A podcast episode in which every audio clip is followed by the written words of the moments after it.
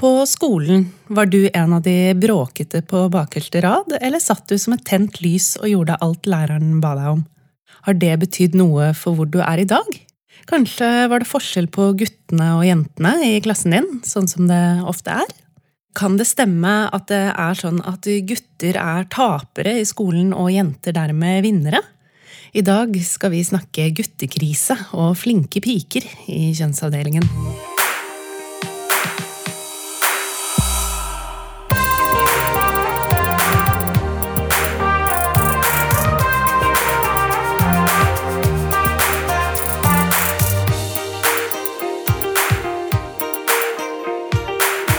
Fra tid til annen kan du lese overskrifter om at gutter er samfunnets tapere. At de gjør det dårlig på skolen, at de havner bak jenter i køen til prestisjeutdanningene, at de dominerer alle de dårlige statistikkene. I dag skal vi se nærmere på kjønnsforskjellene i skoletida, for å forstå hva de faktisk er, hvorfor det er sånn, men også hva de forskjellene betyr. Rettere sagt, hva er problemet? Vi skal snakke med to forskere som har jobbet mye med både klasserommet og statistikken, og som begge har engasjert seg for å nyansere svartmalingen av guttene i skoledebatten, som noen har kalt det. Harriet Bjerrum Nilsen og Kristoffer Kjelsson Vogt kommer senere i episoden. Men først. I disse dager jobber et regjeringsnedsatt ekspertutvalg intenst med å få på plass en utredning om nettopp kjønnsforskjeller i skoleprestasjoner. Camilla Stoltenberg, som er direktør for Folkehelseinstituttet, leder utvalget, som samler kunnskap om kjønnsforskjeller i skolen, og skal komme med forslag til å motvirke dem. Hun har gjennom kronikker og intervjuer vært en aktiv deltaker i det som ofte bare kalles guttedebatten. Nå skal vi en tur opp i sjuende etasje på Folkehelseinstituttet og høre om bakgrunnen for arbeidet, og hva utvalget har funnet ut av. Jeg heter Mari Lilleslåtten, og du hører på en episode av Kilden kjønnsforskning.no sin podkast Kjønnsavdelingen. Eh, hei, Camilla Stoltenberg. Hei. Hyggelig å være på besøk hos deg. Eh, du satte i gang eh, guttedebatten med et innlegg i Morgenbladet i mars i 2017. Og da skrev du at du var guttegæren, i da betydningen at du var bekymra for hvordan det går med gutter og menn. Hva var det bekymringen kom av den gangen? Dels så har jeg jobbet med mm, utviklingsforstyrrelser hos barn. Autisme, ADHD, språkforsinkelse, epilepsi, cerebral parese. Og der ser vi at for alle de diagnosene og tilstandene og symptomene på det, så er det en stor overvekt av gutter sammenlignet med jenter. Det er også jenter, men det er enda flere gutter. Så det var den ene siden av det. Eh, og gjennom det så ble jeg i økende grad interessert i skolen, barnehagen og betydningen som den har for de barna. Og også for uh, hvilke kriterier man velger for disse diagnosene, og når man setter diagnoser, f.eks. Så det, det, var den ene skal jeg si, ytterkanten av fordelingen når du ser på hele gruppen av barn og elever. I den andre enden så har jeg vært nysgjerrig på hvorfor det har blitt slik at det er en stor overvekt av jenter eller kvinner som begynner på studier som det er vanskelig å komme inn på, eh, og som er kvalifisert for å søke på de studiene. Og det tredje, det er mer overordnet eh, si, folkehelseperspektiv. Der jeg har tenkt at hvis man skal forebygge psykiske lidelser, hvis man skal forebygge fedme, overvekt og fysiske lidelser også, og hvis man skal sørge for et godt samfunn for alle mennesker, så er barnehage og skole avgjørende. Slik at det samarbeidet mellom uh, folkehelse, eller folk fra helsesiden og utdanningssiden, om å forebygge og fremme helse og beskytte mot helsetrusler, det tenker jeg på som veldig viktig. Så med de tre utgangspunktene gikk jeg inn i dette. Og du var jo ikke den eneste som var bekymra for eh, menn og gutter, og det tok ikke så veldig lang tid før du ble spurt om å lede ekspertutvalg om kjønnsforskjeller i skolen. Og oppdraget til det som har blitt kalt eh, Stoltenberg-utvalget, eh, var å finne mer kunnskap om hvorfor gutter gjør det dårligere enn jenter på skolen. Og mm, da du fikk oppdraget, så sa kunnskapsministeren at vi har et generelt gutteproblem i Norge. Og hva er det gutteproblemet når det kommer til skolen? Jeg er veldig opptatt av å si at det er ikke bare et gutteproblem. Eh, det er både et eh, gutte- og jenteproblem, det er bare at det er så veldig mange flere gutter som har dette problemet. Eh, og derfor så fremstår det i stor grad som et gutteproblem. Men det problemet går ut på, er at det er Hvis du deler kjønn i to, som man jo stort sett har gjort i statistikken, og som for så vidt er greit nok for akkurat dette formålet, Eh, så ser vi at eh, det er store individuelle forskjeller blant jenter og blant gutter og mellom gutter og jenter. Men på gruppenivå så kommer de forskjellene til uttrykk som eh, et lavere gjennomsnitt hos gutter enn hos jenter, hvis du f.eks. ser på grunnskolepoeng. Eh, og det kommer også til uttrykk eh, som en mye høyere andel som ikke fullfører videregående, og en mye lavere andel som begynner på å gjennomføre høyere utdanning. Det er egentlig de tre målene vi i stor grad har konsentrert oss om i utvalget. For der er jo oppgaven ikke å se på alle kjønnsforskjeller i skolen, men å se på kjønnsforskjeller i skoleprestasjoner. Mm. Men eh, så har det jo vært skrevet og sagt mye om, om dette temaet, med nettopp kjønnsforskjeller i skoleprestasjoner, som, som du sier handler om poeng, og også hvem som får spesialundervisning, f.eks., hvor gutter er overrepresentert. Også flere gutter dropper ut av videregående enn jenter, så det er jo forskjeller på gruppenivå, som du sier. Men kan du si noe om hva er veien fra disse forskjellene som vi ser i skoletiden, til at det er et problem på liksom samfunnsnivå, eller at det er en samfunnsutfordring? Det er eh, at utdanning har fått økende betydning. Eh, det har utviklet seg gjennom mange år, men eh, sånn som det ser ut nå, så vil utdanning fortsette å ha økende betydning i årene framover. Og kanskje raskere økende betydning enn det har hatt hittil. Det skyldes jo teknologiske forandringer, forandringer i arbeidsmarkedet og eh, annen utvikling. Der den type kompetanse som man får gjennom skole og utdanning, eh, blir stadig viktigere for om du får jobb, om du blir i jobb, men også for hva slags helse du får eller har og eh, for om du eh, danner familie eller ikke. Og så er ikke alle disse sammenhengene godt nok utforsket eller belyst, sånn at vi kjenner ikke alle årsakspilene, men vi ser at det utvikler seg parallelt, og at det kan være grunn til å, å være opptatt av hvordan den utviklingen vil bli framover. Eh, nå har dere jo jobba med dette temaet eh, intenst i, i litt over et år. Hva er det dere har funnet ut? Hva, hva, er den nye kunnskapen som dere har fått på bordet? Først og fremst så har jo vi sammenstilt kunnskap som allerede finnes der ute. Vi har jo ikke fått et forskningsoppdrag, vi har fått et oppdrag om å sette sammen ikke all kunnskap, men den kunnskapen som er mest relevant for å vurdere nettopp skoleprestasjoner. Egentlig er jo det et veldig snevert mandat, eh, fordi kjønnsforskjeller handler om mye annet. Men eh, bare det å sammenstille den kunnskapen er krevende. Eh, og det skyldes mange ting. Det skyldes at det er mye det jeg kaller kunnskapsrabalder der ute, i den forstand at det er god og dårlig eh, forskning. Det er publiserte og upubliserte studier. Det er en liten jungel å finne fram til det som gjelder. Og vi har gjort så godt vi kan, men vi har helt sikkert også feilet. Det vi har funnet fram til, eh, bekrefter på mange måter det vi visste fra før, men det er også noen nye og tydeligere mønstre. Kanskje ikke helt nye, men tydeligere mønstre. For å ta det enkle først, det som mange kjenner til, så har vi sett på f.eks. disse gjennomsnittlige forskjellene i skoleprestasjoner i form av grunnskolepoeng hos gutter og jenter. Og så har vi sett på fordelingen. Og det vi ser er at selv om den gjennomsnittlige forskjellen ikke er så veldig stor eh, for eh, gutter og jenter som gikk ut av 10. klasse i 2018, eh, så var den bare på 4,6 grunnskolepoeng. Og så kan man si det er kanskje ikke så stort, men eh, hva skal vi sammenligne med for å se på virkningen av det? Og det som har vært naturlig å sammenligne med da, det er størrelsen på de sosioøkonomiske forskjellene der alle er enige, inkludert jeg og utvalget, at de er store.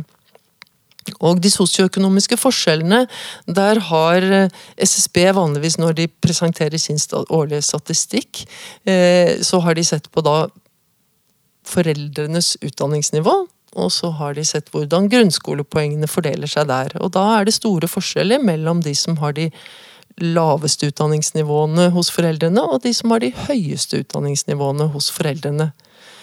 Men det vi ser hvis vi sammenligner nettopp kjønnsforskjeller med forskjeller i sosioøkonomisk bakgrunn målt som foreldrenes utdanningsnivå, er at disse forskjellene er omtrent på samme nivå. Og for å si noe litt komplisert, så er det slik at hvis vi deler foreldregruppen i to, sånn at det er 50 eh, de med 50% høyeste utdanningsnivået versus de med 50% laveste utdanningsnivået, så er faktisk kjønnsforskjellene i snitt større enn de sosioøkonomiske forskjellene. Nå er det ganske unaturlig å dele foreldrenes utdanningsnivå skarpt i to, fordi at der er det terskler. ikke sant? Det er stor forskjell på om du har fullført videregående skole eller ikke. Og Derfor har vi valgt heller å dele ved om man har fullført videregående skole og ikke har høyere utdanning enn det, og om man har høyere utdanning. Og da er eh, de sosioøkonomiske forskjellene litt større enn forskjellene eh, mellom kjønnene. Men hovedpoenget vårt er de er omtrent på samme nivå. Det betyr jo ikke at vi mener at de sosioøkonomiske forskjellene er små, for de er store, men kjønnsforskjellene er faktisk like store. Og det vi også ser, eh, det er at de kjønnsforskjellene de er omtrent like i alle disse eh, familiebakgrunnsgruppene etter foreldrenes utdanningsnivå. De ligger på mellom fire og fem grunnskolepoeng. Og det betyr uh, sannsynligvis, men dette er heller ikke godt nok utforsket, at uh, kjønnsforskjellene skyldes noe annet enn de sosioøkonomiske forskjellene. Men når de virker sammen og trekker i samme retning, som de f.eks. gjør hos jenter med foreldre med høyt utdanningsnivå, og hos gutter med foreldre med lavt utdanningsnivå, så kan det få veldig store utslag. Så for å ta de ekstreme utslagene her, og bruke dem bare som en illustrasjon, så er det slik at hvis du er gutt, og foreldrene dine bare har videregående skole eller lavere utdanning, da har du 160 ganger så liten sjanse for å få de beste skolekarakterene i 10. klasse, som hvis du er jente og foreldrene dine har det høyeste utdanningsnivået. Så det gir veldig store utslag når de to uh, faktorene, kjønn og sosioøkonomisk gruppe, samspiller. Og vi tenker at vi må se på disse i sammenheng. Eh, som du sier, det er, hvis du ser på ekstremene, så er det store kjønnsforskjeller. Men hva har dere da funnet ut om årsakene til, til de? Det er ganske vanskelig å finne ut av årsakene, og det skyldes at det ikke er så mye forskning som har sett direkte på årsakene til forskjeller i skoleprestasjoner. Så hvis man f.eks. går til denne forskningen, så er det ganske mange som har sett på om det er forskjell i IQ hos gutter og jenter. Og det er det ikke. Eller den er i hvert fall veldig liten. Det er mange diskusjoner rundt det, men grovt sett så er den nokså lik. Eh, og IQ henger jo sammen med eh, skoleprestasjoner. Men skoleprestasjoner er avhengige av mer enn IQ. De er også avhengige av f.eks. det som kalles selvregulering, selvdisiplin osv. Og, og der ser vi at jenter scorer høyt, eh, og de scorer høyt mye tidligere enn gutter. Så det det ser ut som, er jo at disse ferdighetene som jenter utvikler tidligere i livet eh, enn gutter, de blir utslagsgivende for eh, skoleprestasjonene. Og så kan det igjen ha mange sekundære effekter. Men selv ikke på dette punktet, der vi er nokså sikre på at det er en klar sammenheng mellom de utviklingsforskjellene hos uh, gutter og jenter som vi ser i barndommen og i skoleårene, og skoleprestasjoner, så kan vi si at vi har funnet årsaken. For det finnes så få gode studier som har fulgt barn helt fra tidlig, helst fra fødselen eller kanskje før, og gjennom skoleløpet, og se hvordan det går med dem, og som har gode målinger for disse ferdighetene, og for personlighet og for andre egenskaper. Men i alle fall, det vi jo vet, er at det er slike utviklingsforskjeller, og at de utviklingsforskjellene fins fra veldig tidlig i livet. Så de spiller helt sikkert en rolle, men hvor stor rolle de spiller, vet vi ikke. Og Så kommer det mange andre forhold inn senere som også spiller en rolle, bl.a. dette samspillet mellom kjønn og sosioøkonomisk bakgrunn, der det ser ut til at allerede i skoleløpet i videregående skole, så ser vi at det er en mye mindre forskjell, eh, kjønnsforskjell i skoleprestasjonene, i videregående poeng og i grad av gjennomføring eh, blant de som har foreldre med høyere utdanning, enn blant de som har foreldre med lavere utdanning. Så der ser vi at det kommer inn noen kompensatoriske mekanismer, om du vil. Og det, det, gjør at vi, vi, tenker ikke at eh, hva skal jeg si, den medfødte tilbøyeligheten til å være tidlig utviklet som jenter har i noe større grad enn gutter, er den eneste forklaringen, men at det kanskje kan være en tilgrunnleggende driver, og så kommer alle de sekundære årsakene inn og samspiller videre og gir det resultatet som vi ser i dag. Og Så må vi også skille mellom det at det er kjønnsforskjeller i skoleprestasjoner, og hvilke konsekvenser det får. Eh, fordi du kan si om disse årsakene som kommer til senere, spiller en rolle eller ikke, er jo veldig stor grad betinget av hva slags samfunn vi lever i. For vi vet jo at eh, selv om det ser ut til at det var kjønnsforskjeller i skoleprestasjoner allerede tidlig på 1900-tallet, det kan ha vært lenger tilbake enn det også, men det er, det er da man har data fra, så uh, har det jo ikke begynt å spille en stor rolle før i den generasjonen som er født på 50-tallet og framover. Og virkelig utslagsgivende har det egentlig først vært de siste 15 årene. Og ennå så tror jeg det vil gjenstå ganske mye før vi ser hvor sterkt det kommer til å slå ut. Jeg tror det er nå vi vil begynne å se de virkelig store forskjellene. Når, den generasjonen som er 30 etter hvert vil dominere arbeidslivet og samfunnet og familier. For det er jo nettopp det du sier, at en ting er jo disse resultatene som eh, gutter og jenter har på skolen, men så er det jo hva slags konsekvenser det får senere i livet. Og i Norge så har vi et veldig kjønnsdelt arbeidsmarked. Og det er jo gjerne sånn at eh, gutter trenger ikke så gode karakterer for å komme inn på de utdanningene, enten det er fagutdanninger eller høyere utdanning, som de trenger for å havne i de mannsdominerte eh, yrkene. da, Mens de kvinnedominerte yrkene, i, særlig i staten, sånn som helsesektoren f.eks., der trenger du høyere utdanning. Så som eh, gutt med dårlige karakterer, så kan du jo fortsatt få en godt betalt eh, jobb innenfor et yrke som du har lyst på, så er det da et stort problem? Svaret er ja og nei.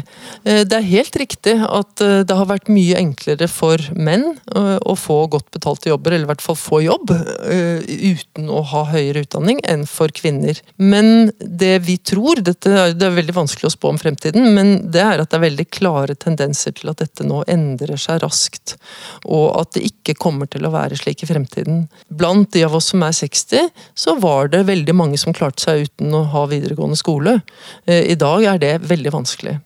Eh, og det neste som skjer, er at det også blir vanskelig å klare seg uten at man har utdanning utover videregående skole, og det er også i ferd med å skje. Eh, for å ta ett enkelt tall som kan illustrere det, så er det slik at for ti år siden så var 74 eh, av de som hadde lavere utdanning, altså maksimalt videregående eh, skole eh, i Norge, dette gjelder både kvinner og menn, men 74% var enten i jobb eller var i ferd med å videreutdanne seg. Nå er det 64% så det faller med 1% i året. Det er veldig mye. Eh, hvis det fortsetter på den måten, så er det 54% om ti år. Så det vi tenker på når vi snakker om eh, den utfordringen som kjønnsforskjellen i utdanning representerer, er ikke den generasjonen som nå er 40 til 60. Det er den generasjonen som er 0 til 15.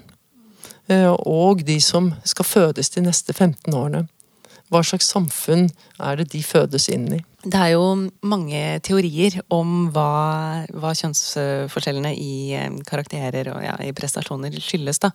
Og um, en av de som er vanlig å høre, er jo at det er skolen sin skyld. At skolen har blitt feminisert, at det er kvinnelige lærere, og at den er tilpasset uh, jenter og ikke gutter. Har dere funnet støtte for det i det dere har gjennomgått? Det vi, vi, har ikke brukt det ordet, eller det begrepet at skolen er feminisert, men det vi har sett på, er den forskningen forskningen som sier noe om eh, kjønnsfordelingen blant eh, personell i barnehage og i skolen. Og det er ikke slik at eh, kjønnsforskjellene blant lærere kan forklare de kjønnsforskjellene vi ser i skolekarakterer hos barna. Det er mange andre grunner til at man bør utjevne de kjønnsforskjellene, men de er ikke årsak til de kjønnsforskjellene vi ser i skoleprestasjoner. Eh, nå er det også her mulig å kritisere noe av forskningen, men dette er faktisk et av de sikreste funnene. Eh, det ser til og med ut til at det kanskje er slik at på de skolene hvor det er Eh, enda flere kvinnelige lærere enn det er i andre skoler, eh, så gjør både gutter og jenter det bedre. Det er en hypotese om at det kan skyldes at man har tiltrukket seg flinkere kvinner i gjennomsnitt til læreryrket enn menn over en tid. Eh, jeg, skal ikke gå god for den hypotesen, men det kan være en mulig forklaring. Så det er ikke årsaken.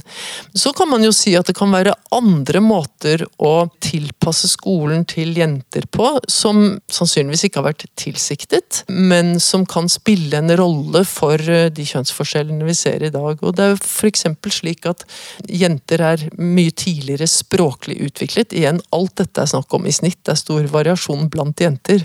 Og det er mange jenter som er sent utviklet, men det er bare enda mange flere gutter. og veldig mange av fagene eh, og karaktersettingen er språkliggjort og er avhengig av eh, språk og språkutvikling. Så det har vært et stort stort fortrinn, eller er et stort fortrinn for jentene når man ser på skolekarakterer. Dette har jo blitt satt på spissen i mange sammenhenger som nettopp et gutteproblem, og at det er eh, guttene blir taperne i samfunnet, guttene, guttene får det ikke til. Og hva tenker du, altså det å å sette i gang sånne debatter. Hva tenker du det gjør med både skolens forventninger til gutter, men også gutters egne forståelser av evne og muligheter til å, til å lykkes på dette feltet? Jeg tenker at det er en viktig dimensjon ved det å, å se på nettopp eh, kjønnsaspektet ved det. Eh, og så mener jeg at det er ikke noe som gjelder bare gutter eller bare jenter. Eh, og hvis du ser på da noe så enkelt som skoleprestasjoner, så er jo det mest slående hvis du ser på fordelingen av skoleprestasjoner hos gutter og jenter, hvor lik man er. Eh, men det neste som slår en, er hvor store forskjeller man kan få av en bitte liten ulikhet. Nå har du sagt litt om eh, hva dere har funnet ut om eh, kjønnsforskjeller i eh, skoleprestasjoner, og litt om, om, årsakene til at det er sånn. Men hva er det vi skal gjøre for å endre det? Hva vil dere anbefale kunnskapsministeren da, å gjøre med disse forskjellene? Det skal vi legge fram 4.2, så det har jeg ikke tenkt å si så mye om i dag. Det jeg kan si, er at vi ser på hele løpet fra barnehage, skole og videre oppover. Så er det ganske mange samfunnsområder hvor det kanskje også er mulig å sette inn tiltak som vi ikke har sett på. Men eh, vi kommer med en pakke med forslag, og da vil vi gjerne at de forslagene skal ses i sammenheng. Men to ting kan jeg si, og det ene er at vi må i hvert fall styrke kunnskapsgrunnlaget. Fordi jeg syns det er eh, tankevekkende at det tar så lang tid å begynne å se på et fenomen som er så tydelig, og å ha såpass dårlig data og um, svak forskning på mange eh, av spørsmålene. Så det bør vi gjøre noe med. Og det bør vi gjøre noe med ikke minst for å kunne følge med på hvordan tiltakene virker. Og det andre det er at eh, alle disse tiltakene de vil egentlig representere et nybrottsarbeid, så det er all grunn til å diskutere dem. Og vi har tvilt oss fram til en god del av dem, fordi at det er eh, ingen land som har utviklet politikk på dette området ennå. Det blir veldig spennende å følge med på. En ting jeg lurer på er jo, eh, i og med at dette startet som en, en guttedebatt, kommer tiltakene til å kun være mynta på gutter? Nei. Tusen takk skal du ha, Camille. Takk skal du ha. Jeg gleder meg til fortsettelsen. Kanskje har eh, svaret på spørsmålet om tiltak allerede kommet når du hører denne episoden, eller så er det rett rundt hjørnet. Det som er sikkert, er at kjønnsforskjeller i skolen er et tema som opptar mange forskere. Det er eh, ulike måter å nærme seg temaet på, enten man ser på psykologi, på lærevansker, på atferdsproblemer, på testresultater eller kanskje på pedagogikken. Forskere er opptatt av å beskrive det som foregår i skolen, men også å se på konsekvensene. Hva som skjer eh, etter grunnskole og videregående. I episode åtte av Kjønnsavdelingen snakket vi om høyere utdanning, så det skal vi ikke gå så veldig nøye inn i akkurat nå. Men eh, bla deg for all del tilbake til den åttende episoden for å høre Reidar Jessen og Lisa Reisel snakke om kjønn, klasse og mangfold i høyere utdanning, særlig i prestisjeutdanninger som psykologi. Men eh, nå. Kristoffer Tjelsom Vogt han er førsteamanuensis ved Sosiologisk institutt ved Universitetet i Bergen. Han forsker på ungdom og overgangen til voksenlivet, kjønnsforskjeller i utdanning og arbeidsmarked, og har jobbet eh, spesielt med mannsdominerte yrkesfag og med frafall i videregående skole. Og Harriet Bjerrum Nilsen hun er eh, professor emeritus ved Senter for tverrfaglig kjønnsforskning ved Universitetet i Oslo. Hun har forsket på barn og unge i et kjønnsperspektiv gjennom en lang karriere, hvor hun bl.a. har fulgt informantene sine gjennom forskjellige livsfaser og sett på ulike generasjoner, og hun har forsket i klasserommet. Og som du snart vil høre, så snakker hun dansk.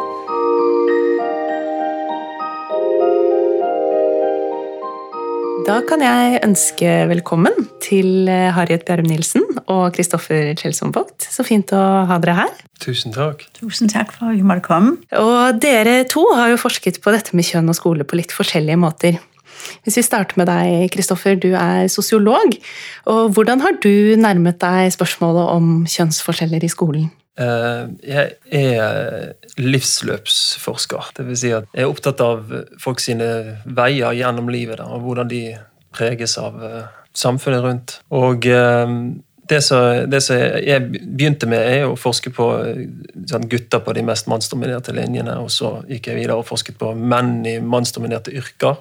Så har jeg nå de siste årene forsket på en del sånn familie prosesser. Det, så det er liksom den overgangen fra utdanning til arbeid som er mitt spesialfelt innenfor uh, denne tematikken her. da. Mm. Men uh, du Harriet, du er jo faktisk blitt uh, emeritus, som det heter i universitetsverden. Mm. Og det betyr at du har forsket på hva som skjer i klasserommet, blant annet, gjennom en veldig lang karriere. Men hva har vært din inngang? Altså hva har vært din viktigste forskningsmetode, og hva har du sett på?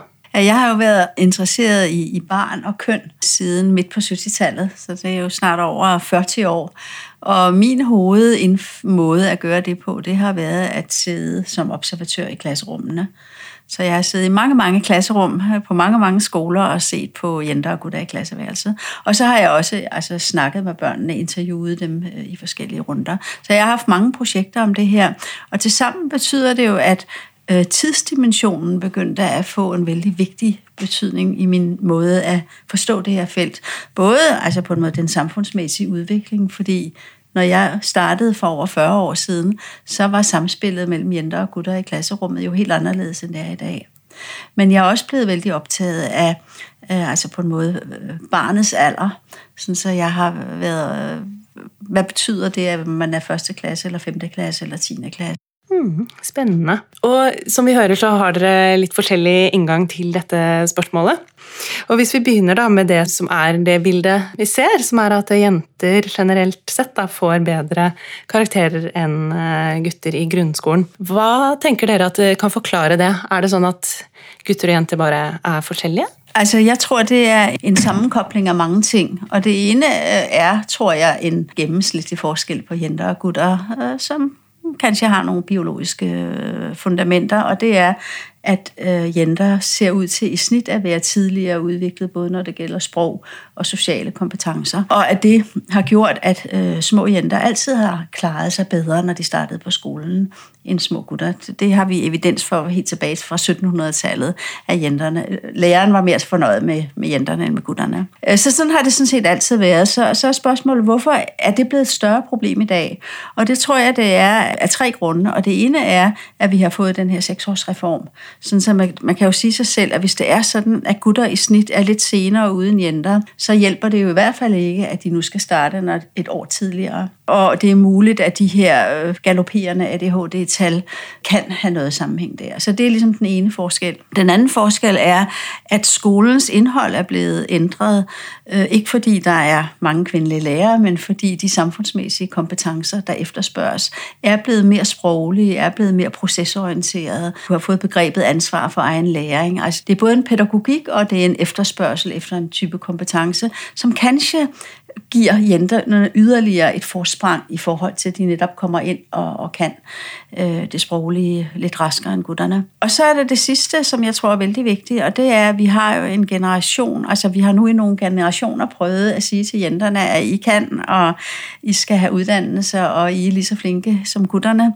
Øh, og det vil sige, at du har fået en generation af jenter, som faktisk er ambitiøse, og som derfor altså følger op det, de faktisk har kompetence til. Mens hvis man går tilbage til, til 50-60-tallet, så øh, mistede jenterne på en måde deres ambitioner omkring sådan 8. klasse, og så skulle de giftes og øh, den slags ting, og så kunne gutterne køre forbi. Og i dag kan gutterne ikke køre forbi i samme grad, fordi jenterne rett og slett holder op koken. Så det er både ulik modning og ulik kompetanse, og en endring i forventninger og, ja, ja. og ambisjoner. Og en endring i skolesystemet, at du har de her små barn inne. Og jeg tænker, det, får, det er veldig viktig å se det i et tidsperspektiv, fordi altså, det får sådan en ak akkumulativ virkning.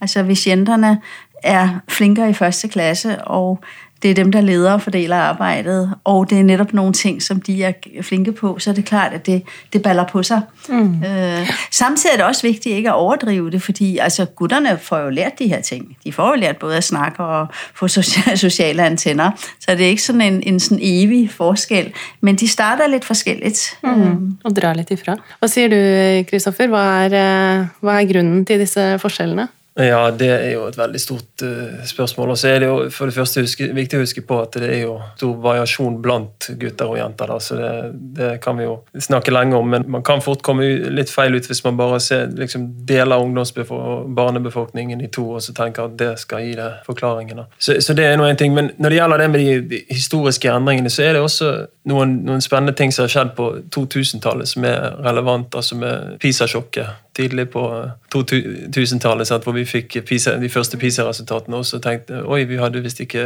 verdens beste skole likevel. Og så innrettet man skolen eh, på en sånn måte at man ville skulle bli bedre og bedre. ikke sant? Alle skulle på en måte normeres mot, mot å, å, bli bedre. Og, og, og, gjennom de tingene man har gjort da, med PISA-tester og nasjonale prøver og kartleggingsprøver, og så virksomheten liksom blir innrettet mot disse her, så tror jeg at det har blitt verre å, å være lavt presterende. Jeg tror det er gutter og, og, andre som presterer lavt, for å si det sånn de, de, merker det mye mer og mye tidligere i dag. Da, fordi at det er liksom så fokus på den prestasjonen og konkurransen blant elevene. Og et fokus på det der med altså Det at være gjennomsnittlig har fått mer og mer betydning. Altså Jeg så lige for nylig en overskrift fra Stavanger-prosjektet, et prosjekt der studerer barn i barnehage, hvor overskriften var allerede som toåringer henger gutterne efter. Og det er jo en ganske absurd tænkning, at hvis ikke alle udvikler sig i nøjagtig samme takt, så hænger de efter. Mm. Det kunne jo bare være, at der var lidt kvalitativt forskellige udviklingsveje, ikke bare på køn, men også på individniveau. Mm. Øh, og, og der tænker jeg, at det må jo det må skolen tage højde for. Det kan jo ikke være noget mål at gøre alle barn fuldstændig ens i deres udviklingstrin. Mm. Dere har jo begge kjennskap til mye av forskningen som er gjort på dette mm, gjennom mange år. Og vi ser jo det at dette er et bilde som har vært ganske likt, eller det at eh, jenter har hatt bedre karakterer enn gutter. Men skolen har endret seg, og kanskje også synet på, på gutter og jenter. Og um, Forskning på 70- og 80-tallet viste jo da at jentene tok ikke så stor plass i klasserommet. sånn at særlig da mot slutten av skolen så liksom trakk de seg kanskje litt tilbake og ga mer plass til guttene. Mm. Stemmer ikke det? Ja, Hvorfor gjorde de det, og har det endret seg i dag? Mm. Jo, men altså også på 70-80-tallet, altså problemet den gang var jo ikke at jenterne fikk dårlige karakterer eller klarede seg dårlig. Altså, det har vært på en måte en stabil greie. men, øh, men øh, jenterne fikk jo ikke særlig mye oppmerksomhet uh, i klasserommet. Altså, det var gutterne, der dominerede samtalen, og det jo, var jo sikkert fordi, at, at, at lærerne, lærerne veldig sitt blikk. blik på gutterne, og var optaget af at lave en undervisning, som kunne gøre, at gutterne fulgte med, fordi at lærerne kunne regne med, at jenterne gjorde det, de fik besked på.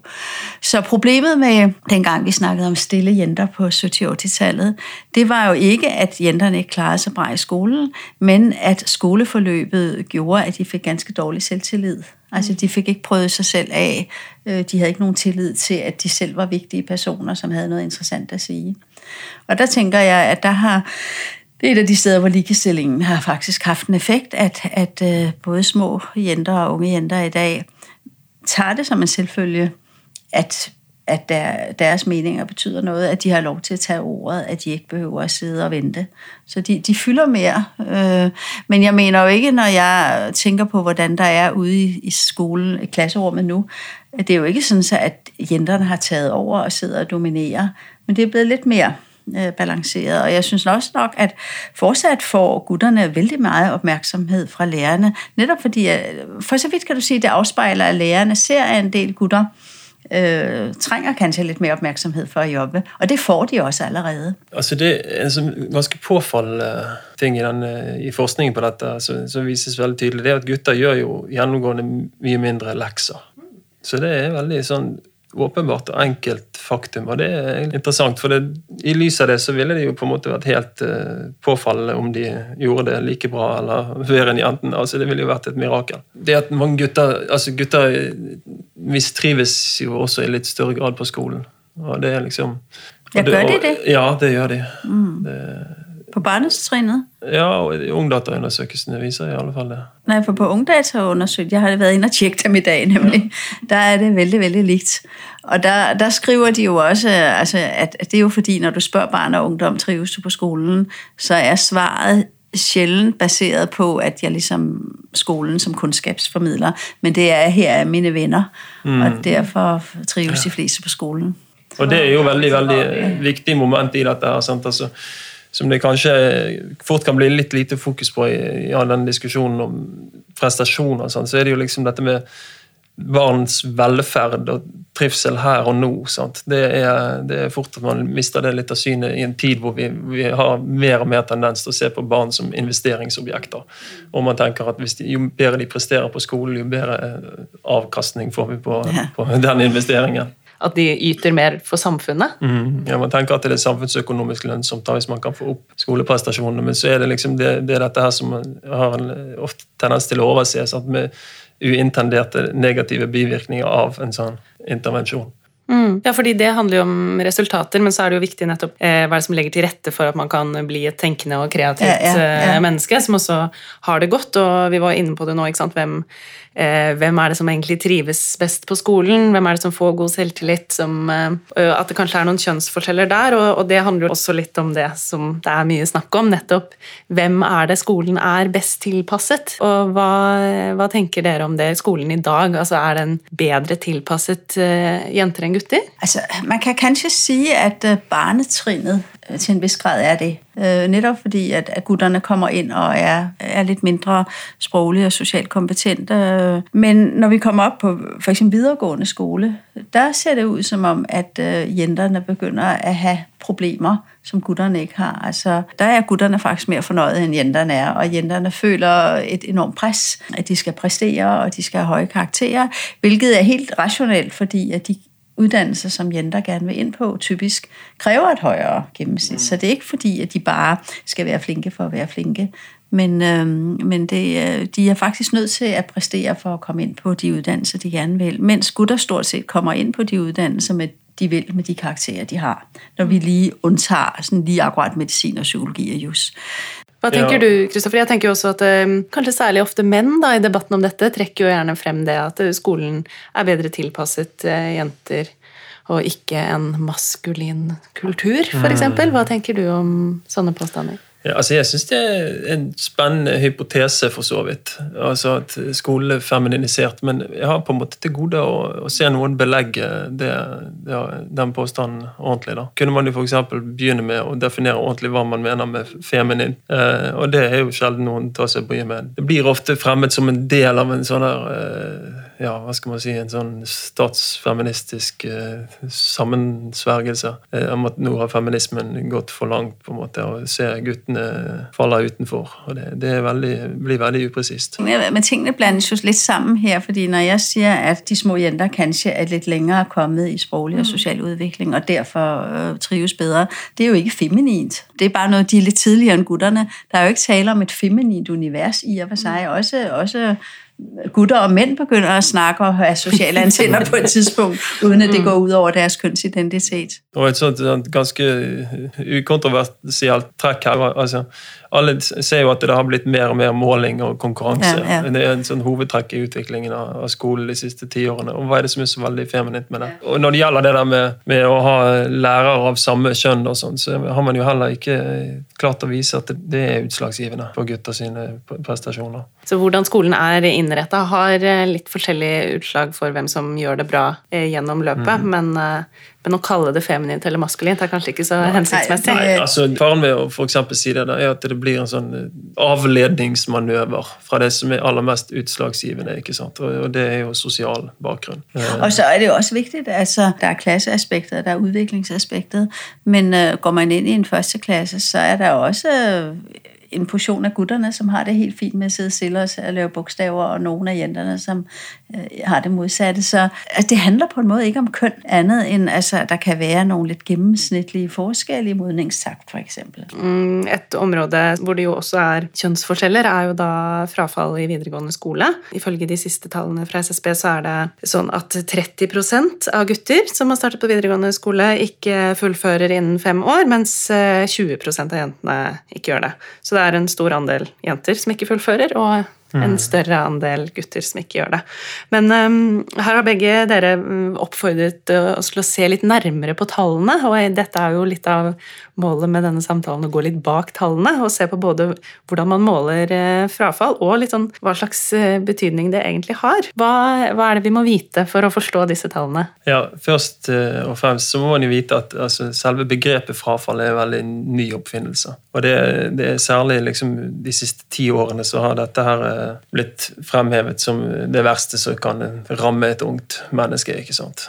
De faller utenfor, de får ikke jobb. sant? de blir tapere. Men hvis du ser på altså den definisjonen av frafall, den ble, som er fullføring innen fem år. ikke sant? Den ble jo mer eller mindre vilkårlig oppfunnet i forbindelse med Reform 94. Siden det første Reform 94-kullet så har jo det ligget ganske stabilt, dette her tallet. ikke sant? Men oppmerksomheten om dette har jo gått i været. Og det som er at Den definisjonen den passer greit den for de som, som er på studieforberedende, og for de som har tatt artium i tidligere tider, så har det vært noe sånn stort spørsmål hvorfor skal du vente med å ta gymnaset.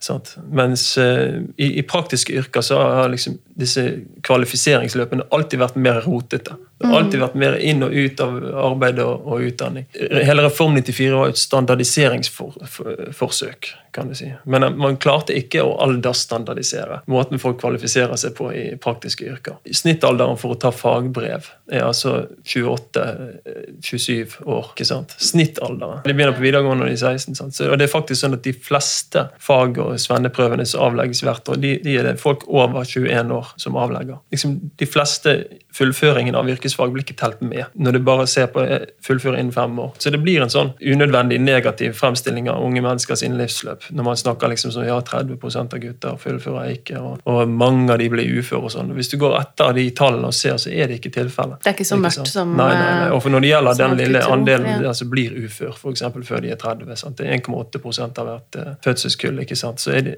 har de langt større problemer i livet enn at de ikke har fullført videregående. for å si det sånn. Og selv hvis man ser på den litt større gruppe, som altså mellom 15 og 24, eller 29 tror jeg det er, som uh, verken er utdannelse eller arbeid, så, så er, vi jo nede på en 6-7 Uh, og der er faktisk ikke noen kønsforskel. Så, så på en eller annen måte så, så, er der blevet skapt et problem i medieomtalen som faktisk ikke stemmer. Fordi det ene, det er jo kjempeviktig det der poeng som Kristoffer har omkring hvor, hvor, hvornår er du fallet fra. Men det er jo også det, som du også har været inde på, at det har jo også nogle strukturelle sammenhænge. Altså, at hovedgrunden til, at gutter falder fra, og de falder fra mellem andre og tredje år, det er, at de ikke får praksispladser. Og det ser ud som om, det er vanskeligere i de linjer, som gutter vælger at få praksispladser, end de øh, linjer, som jenter vælger. Og der, og der er faktisk ikke nogen undersøgelse, der tyder på, at gutter i vældig høj grad falder fra i videregående, fordi de mistrives på skolen. Mm. Altså næsten tværtimod, skolen er noget af det, der holder dem. Altså gode relationer til lærere og elever holder dem, øh, selvom de har problemer med, med praksisplads. Mm. Og bare for å si en ting til når det gjelder det med frafall i videregående som et sånt gutteproblem, så er det jo eh, også veldig tydelig at hvis du ser på de som faller fra i videregående, eller det, altså ikke fullfører innen fem år, da, hvis du ser på de, så går det bedre med guttene. ikke sant? Altså De får jobb i større grad, og mer fulltidsjobber og mer eh, faste jobber. Sant? Og bedre betalte jobber. Altså Det er masse forskjellig, masse forskning som viser det at på ethvert utdanningsnivå egentlig, så gjør guttene det bedre i arbeidslivet. Mm. Altså Det at det viser seg at gutter på alle skolenivåer kommer seg hurtigere ut på arbejdsmarkedet, ligegyldigt hvilken uddannelse, mm. hvornår de stunder. Det er jo det, der gør, at det er så mærkeligt, at vi er så frygtelig optaget af en lille karakterforskel i skolen, for den betyder jo ingenting. Altså et eller to år efter de unge har forladt skolen, og det er ligegyldigt om det er efter 10. klasse eller efter universitetsuddannelse, så er gutterne hyppigere i arbejde, tjener mere mm. osv. Så nogle gange kan man lure på, okay, hvis man nu satte virkelig en masse til og fik gutterne karaktermæssigt til at komme lige så op som jenterne. Kommer jenterne så overhovedet ud på arbejdsmarkedet? Altså det fortrin, som gutterne faktisk har, er det meningen, at det skal forstærkes? Det har jo også litt, Man fokuserer på eh, skole og utdanning som ett felt i livet. ikke sant? Og så ser man der er gutter tapere. Det er jo uomtvistelig. De gjør det dårligere, mer spesped og mer frafall. Og så tenker man at ja, men i dag er utdanning så viktig at dette her, her er helt eh, krise. ikke sant? Før kunne de kanskje greie seg med mindre utdanning, og sånn, men nå er det nye tider. Men altså, statistikken på, på overgangen fra utdanning til arbeid tyder ikke på det. altså. Men så kan du si ja, i fremtiden kommer det til å bli sånn. Men det er på en måte futurologi, da. Tidligere i, i episoden så har vi hørt eh, Camilla Stoltenberg, og hun er jo nettopp bekymret for eh, ikke nødvendigvis de som er voksne nå, men de som blir født nå, hvor vi ser liksom det er mer teknologisering og det er mer avansert arbeidsliv, og, og det ser ut til at man må ha mer utdannelse, da. Eh, men dere er uenig i den analysen, at man burde være bedre på skolen for å klare seg Ja, altså man, øh, jeg er uenig i at man nødvendigvis skal være bedre på skolen. Jeg tror det kan være riktig at øh, det samf hvis vi nu skal være litt fotologistiske, mm -hmm. se fremad, at, at, at der sikkert er brug for mer kompetanse jo mer på en måte udviklet og teknologisk udviklet samfunnet er.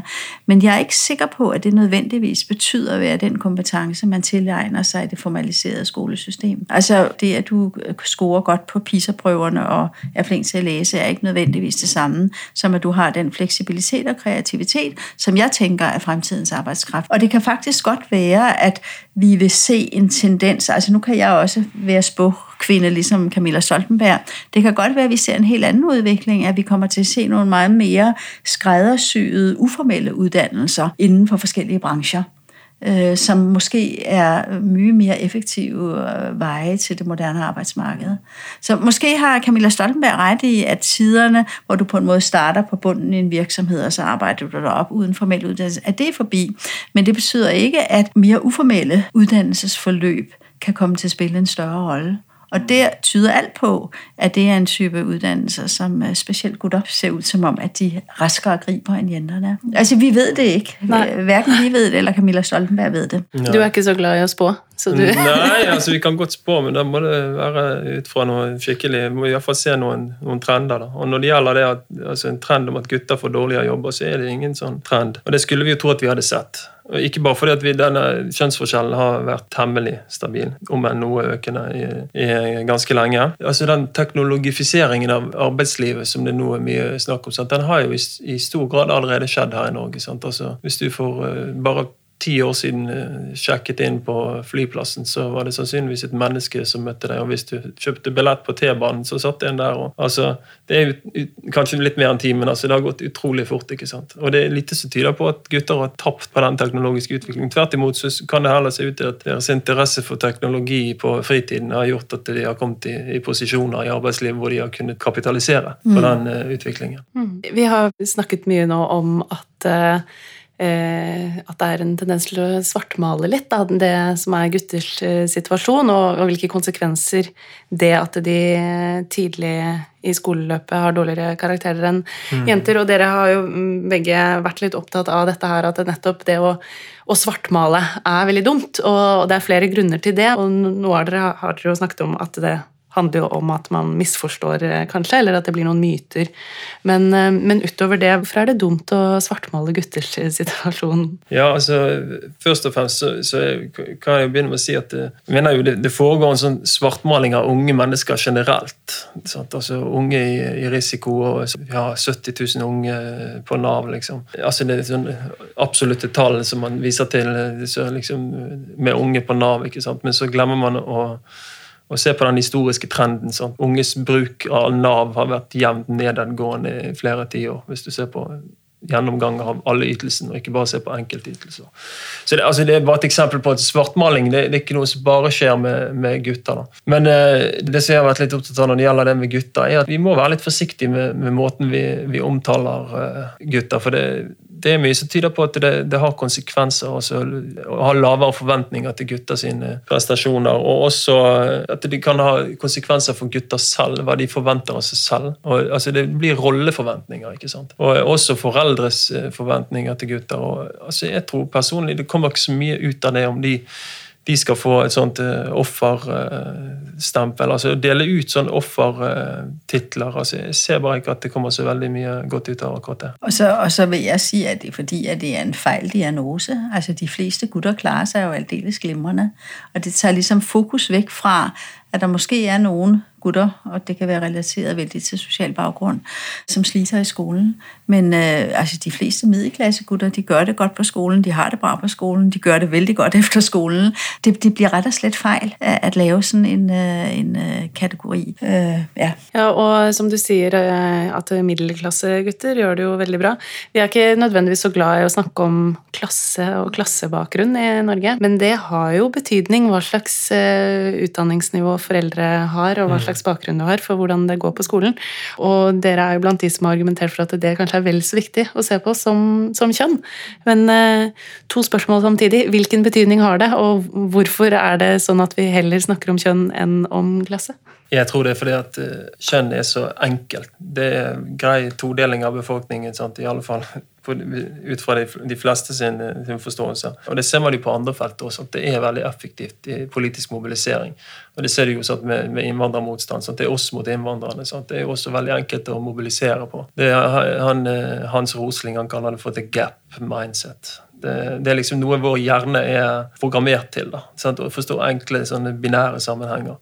Så når man begynner med klasse, så blir det, så, som du antyder, mer komplisert. Folk vegrer seg mer, for det spørsmålet dukker jo fort opp. Sant? Hvordan skal det måles? Skal det være to kategorier, eller syv kategorier, eller tre kategorier, og hva skal være kriteriene for å komme i de kategoriene? Sant? Skal det være inntekt? Skal det være utdanning? Sant? Så det blir liksom veldig mye mer komplisert, og folk detter av. og så det, det, er veldig mye enklere å tenke binært. da. Og så er det kanskje også altså, mer ufarlig øh, da jeg begynner å snakke om kjønn, fordi da kan man liksom gå sammen på tvers av sånne sosiale forskjeller som er vanskelig å snakke om. Og så tror jeg at øh, Du spurte hvordan, hva, hva betyr klasse. Altså klasse, Hvis vi tar bare på den der helt enkle karaktermåling, så betyr klasse jo langt, langt, langt mer enn kjønn. Men, men samtidig er det også viktig at det er jo ikke enten klasse eller kjønn. Altså køn og klasse spiller sammen. Og det mm. vi, det vi ved jo, er jo, at klassebaggrund betyder mer for gutter end for jenter. Altså Det kan hænge sammen med mange ting. Det kan både hænge sammen med, at der har været en, en øh, maskulinitetstradition, som har været ligesom ikke skoleorienteret øh, i arbejderklassen. Altså du bliver en mand, hvis du bliver en håndværker, ligesom din far. Øh, og så kan det have noget at gøre med, at, at de uddannelse mellemuddannelser, som, øh, som jenter med arbejderklassebaggrund har, løftes op i uddannelsessystemet, sådan så at de på en måde formelt får mere uddannelse end sine brødre. Men når de kommer ud, hvis den broren er faglært arbejder, og søsteren er blevet faglært helse- og socialarbejder, så er de jo på en måde statusmæssige på linje, selvom hun har fået mere uddannelse, øh, og selvom han sandsynligvis tjener bedre. Så, så der er mange ting, der går ind her, men, men det er et forholdsvis robust fund, mener jeg, at øh, social klasse betyder mere for, for gutter end for jenter. Mm. Så er det altså, altså, det er noen som sier at menn er liksom det ekstreme kjønn. altså At fordelingen blant menn er så stor. ikke sant? Eh, og F.eks. i inntekt, sant? så har du de aller rikeste, de er jo menn. sant? Og, og eh, også når det gjelder de det ikke går så bra med, sant? så har de jo eh, de i fengslene sant? og de som har rusproblemer og, og sånn. Det er jo også menn. ikke sant? Så det er, det er noen, noen, viktige kjønnsforskjeller der. Men du finner gjerne ikke de hvis du bare ser på gjennomsnitten for kjønnene. da. Det er liksom, Du må gå litt inn og se på de forskjellige tematikkene. Da ser du liksom den, de ekstreme fordelingene. Mm. Ja. Mm. Når vi snakker om, om, skole, så er det gjerne da eh, gutteproblemet, guttekrise. Vi har snakket en del om, om, hva som ligger bak det nå. Og så er det jo eh, de flinke pikene. Forskning eh, viser jo mer og mer, tydeligere og tydeligere, at eh, jenter har jo mer psykiske problemer i grunnskoletiden da, enn det gutter har, og dette er gjerne skolerelatert. Så jentene gjør det bedre, men de har det dårligere. Mm kan det virke som. Er dette et skoleproblem, eller er det et jenteproblem som eksisterer utenfor skolen, eller som skyldes noe utenfor skolen? Altså, jeg tror det er et utdannelsesproblem, fordi det henger sammen med det som jeg nevnte før, at uh, jenter stiler mot utdanninger som krever et høyere snitt. Så de må lese mer lekser enn guttene gjør. Øh, så jeg tenker det er hoved, hovedforklaringen. Men så er det, altså det er jo fullt mulig å tenke seg at, øh, sant, det kan ha noe med måten skolen er blitt øh, innrettet på de siste tiårene. ikke sant? Så, så driver både gutteproblemene og jenteproblemene. Altså, det som er helt sikkert, er at du finner ikke de, der, de felles driverne hvis du bare ser på gutteproblemene. Sant? Du må på en måte se disse tingene i sammenheng. Sant? Og at, at det kommer til uttrykk på forskjellige måter for gutter og, og jenter og menn og kvinner. Men det kan jo slå inn hos gutter også, men da, da mer i form av sånn tilbaketrekning. Ja, ja, ja. Eller, eller utagering. Ikke? Og det er ja, nettopp. ikke sant? At dette gidder jeg faktisk ikke være med på. Ja. Og, og, og jeg, jeg, kjenner jo igjen den eh, følelsen selv veldig godt. Det var i spesialklasse i andre og tredje klasse. Og jeg ble så, så lei av å bli fortalt hva jeg skulle gjøre. og Nå skal du sitte der. Nei, jeg hadde ikke lyst til å sitte der. Jeg hadde lyst til å klatre ut vinduet og se hva som skjedde. Og da, ja, nei, så det jeg kjenner veldig godt den der at det, Men det var, ikke, det var ikke liksom det at jeg gjorde det dårlig. Det var ikke sånn at På den tiden var det jo heller ikke noe sånn noe sånn testregime som hadde sneket seg inn i, i barneskolen. ikke sant? Men, men, det er mer den der Og det er jo klart, sant, som jeg sa, altså det å oppleve nederlag, det er altså i, i møte med det sånn som, sånn som, mange, stadig flere gjør nå, lenger og lenger ned i trinnene. Da er det jo på en måte en, en sunn reaksjon ikke sant? å trekke seg tilbake. Altså, altså Hvis du ser på det med, at, at tenåringsjenter har mer symptomer på uh, psykiske lidelser, sånn, så er det jo Det viser veldig tydelig at det, der, uh, det å delta i det racet som det legges opp til nå. Sant? Det har sin pris. Sant? Så, så på, på, noen måter så kan du jo si at noen gutter en sånn uh, fuck all-holdning. ikke sant? Altså, Dette gidder jeg faktisk ikke Hvis det skal være sånn, så gidder jeg ikke gjøre en innsats engang. Så den er på en måte sunnere. Men så, jeg tenker også um, i forhold til Hvis gutterne, noen gutter føler seg dårlige altså har det dårligere når de starter på skolen, så tænker jeg at det er helt fejl fokus at sige, at det vi skal gjøre noe ved, det er at de scorer lige så højt på PISA-testerne som jenterne. Eller de får. Det vi skal gjøre noe ved, det er at vi må sørge for at skolen ikke er innrettet sådan, så gutterne får dårlig selvfølelse mm. fordi de hele tiden får at vide, at de scorer lavere. Eller øh, mm. jenter tilsvarende. At det der er viktig at fastholde i skolen, og ikke mindst på barneskolen, er at hvert barn føler at øh, det får positive tilbakemeldinger når det gjør en innsats. Men um, jeg tenkte jeg ville innom én ting før vi er ferdige, og det er jo dette med, med, kjønnsroller og endring i forventninger og stereotypier knytta til kjønn. Fordi det må jo spille en rolle, må det ikke det? I klasserommet som i resten av samfunnet. Hvordan påvirker det uh, hvordan jenter og gutter har det eller gjør det på skolen? da? Jo, altså Det er jo klart at uh, kjønnsstereotypier finnes i hodene, og ikke minst hos de voksne. Og også hos lærere, selvfølgelig. Og det vil si at, at det er ikke vanskelig. Du skal ikke ha siddet lenge i et klasseværelse før du ser at lærerens reaksjon på jenter og gutter Øh, er forskelligt. Og en jente som bruker, øh, hun irriterer læreren raskere. En gutt som er stille, bekymrer læreren hurtigere. Vi bekrefter de der stereotypier i veldig høj grad i den måde, vi omgås vores børn, og det gør sandsynligvis også de fleste forældre. Øh, men, men de færreste voksne er helt klar over, at det er det, de gør. Um, ja, og noe som man ikke kanskje kan måle så mye i tall, men som du som har vært i klasserommene, kanskje vet mer om. Altså, vi snakker jo mye om, og det kan vi jo gjerne se ut ifra tall, da, hva som er rasjonelt å gjøre. Mm. Mm. Fordi at hvis altså, jentene trenger gode karakterer for å få de jobbene som de ser ut som de også har lyst på, og omvendt. Men altså, er barna på skolen så klar over det? Er de mm. Er altså det med karakter, jo, ja. altså på videregående er de jo. Mm. Altså på ungdomsskolen bliver de klar over, at karakterer betyder noget for, hvilken videregående skole de kommer ind på. Og på videregående bliver de vældig klar over, hvad det er for nogle indsaks indsats uh, ting, der er. Selvfølgelig ikke på, på barneskolen gør de det ikke, men øh, lige så fra ungdomsskolen af, der, der er de på en måde ved at køre ind i, i løbet. Mm. Nå har vi jo fått eh, mange tanker, eh, men hvis dere skal gi liksom et råd, hva er liksom det viktigste å ha i bakhodet når debatten raser om kjønnsforskjeller i, i skolen? Nei, altså Det er jo å tenke at den der oppdelingen i gutter versus jenter rett og slett er feil. Altså at der er barn på ulike modningstrin med ulike interesser, som er samlet i en klasse, og det bedste enhver skole kan gøre, det er at være så fleksible, så de kommer de børn i møde, og selvfølgelig er opmærksom på, hvor det er hvert barn trænger kanskje at blive få lidt ekstra stimulering. Øh, og det handler ikke om jenter versus gutter, det handler om at se det enkelte barn. Jeg tenker at det eh, er flott å få eh, nye tall og sånn på eh, gutter og jenter i skolen, men, men, da må man være klar over at hvis du går inn og ser på de fenomenene det er snakk om, altså hva som ligger bak de tallene, så da må du ta flere verktøy i bruk enn bare den todelingen gutter-jenter. Altså. Men den er jo veldig tabloid og grei, så du får jo du, mye saker på det da, hvis du fokuserer på gutter, og hvis du fremstiller gutter som tapere sånn i en større sammenheng også, sant? basert på litt sånn selektiv strategi statistikkbruk, så er det jo klart at mange har lyst til å høre den sangen. Det er en hit. Sant? Men det, nå vet vi jo det at det er ikke alltid popmusikken som er den beste. det var dypt på slutten her. Ja. Mm, så vi er jo generelt ganske opptatt av eh, å ha et kjønnsperspektiv på ting eh, i denne podkasten her, så det er ikke det at vi ikke skal ha det, men det er hvordan det skal brukes. Det er bare det at det er kjønnsperspektiv det, det har så mye mer å by på enn bare en sånn todeling av befolkningen. for å si det sånn. Mm. Tusen takk for at uh, dere kom hit, Harriet og Kristoffer. Det var veldig kjekt å snakke med deg.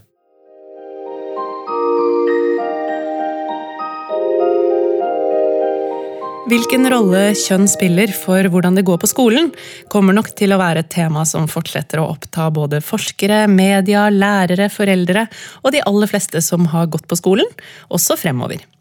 Nå har du fått høre mye om hva forskningen sier om temaet. Og hvis du vil lese mer, så anbefaler jeg som alltid å gå inn på kjønnsforskning.no, hvor du under emnet skole og barnehage kan lese mange artikler og forskerintervjuer om akkurat dette. Husk å abonnere på Kjønnsavdelingen i podkastappen din, og følg oss i sosiale medier. Så vil jeg bare si takk til Fritt Ord og til Ology Studio. Jeg heter Mari Lilleslåtten og er snart tilbake i podkastfeeden din med en ny episode.